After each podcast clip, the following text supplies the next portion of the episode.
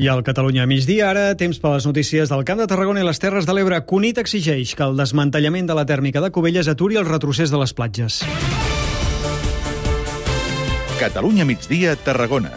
Manel Sastre.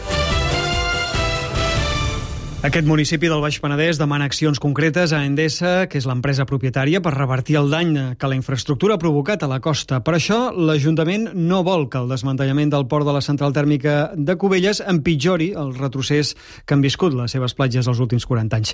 El consistori, per tant, està convençut que la infraestructura és la culpable de la regressió de la costa i demana accions per revertir la situació ara que s'està fent aquest desmantellament de la central, segons explicava l'alcalde Jaume Casanyes. És aprofitar aquesta actuació que ha de fer Endesa amb el port de la tèrmica perquè solucioni els problemes de les platges de Cunit. Si les platges de Cunit tenen problemes des de que es va fer la tèrmica i ara que la tèrmica no hi és, el que volem és que ens assegurin que no tindrem problemes i tanquem així el cercle de el que va provocar els problemes a la platja de Cunit que solucionin els problemes de la platja de Cunit. Mentre la companyia estudia diverses opcions, Cunit exigeix mantenir parcialment el dic principal, redibuixar els espigons i fer una aportació de sorra que garanteixi el futur de les platges.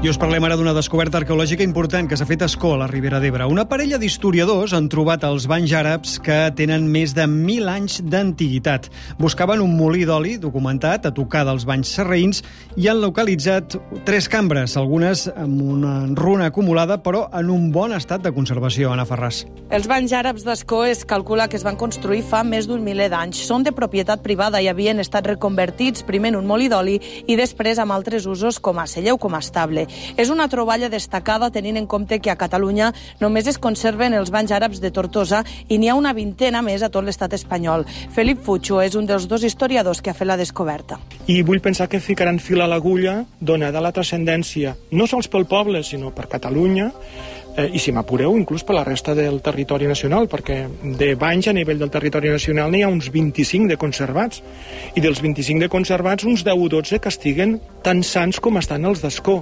L'estructura conté les tres cambres d'aigua calenta, gelada i temperada, les portes d'accés entre elles i cinc llanternons de llum i ventilació a cada estança. Els historiadors buscaven un molí antic que havia estat documentat a tocar dels banys sarraïns. Ara s'ha comunicat la troballa al Departament de Cultura i es confia que s'hi pugui intervenir i netejar-los per fer-los visitables. De la pandèmia destaquem que segueixen creixent els positius, més de 180 avui, i baixant els ingressats a l'hospital. Clara Xavarria, bona tarda. Hola, bona tarda. El nombre de contagis per Covid-19 al Camp de Tarragona s'enfila una mica més i el risc de rebrot augmenta fins als 121 punts, mentre que l'Ebre baixa lleugerament fins als 144.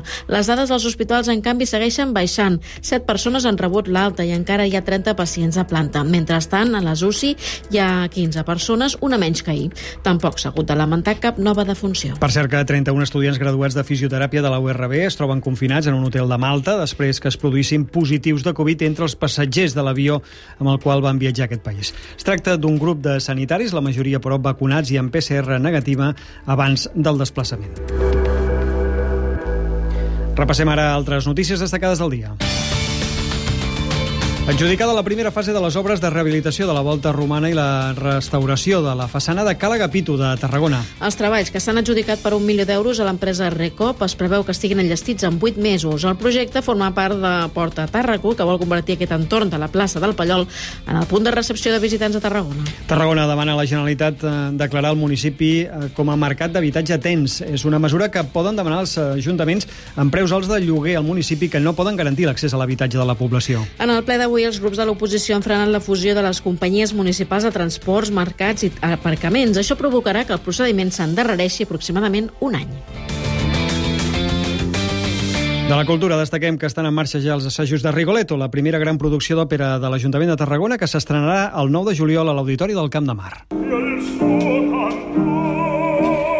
I era el torn del baríton Àngel Òdena i la soprano Sabina Puertoles. Ja hi ha bona part de les entrades venudes d'aquesta macroproducció que tindrà 50 músics i un cor de 20 cantants. L'espectacle serà eh, també el tret inaugural del Festival d'Estiu de Tarragona.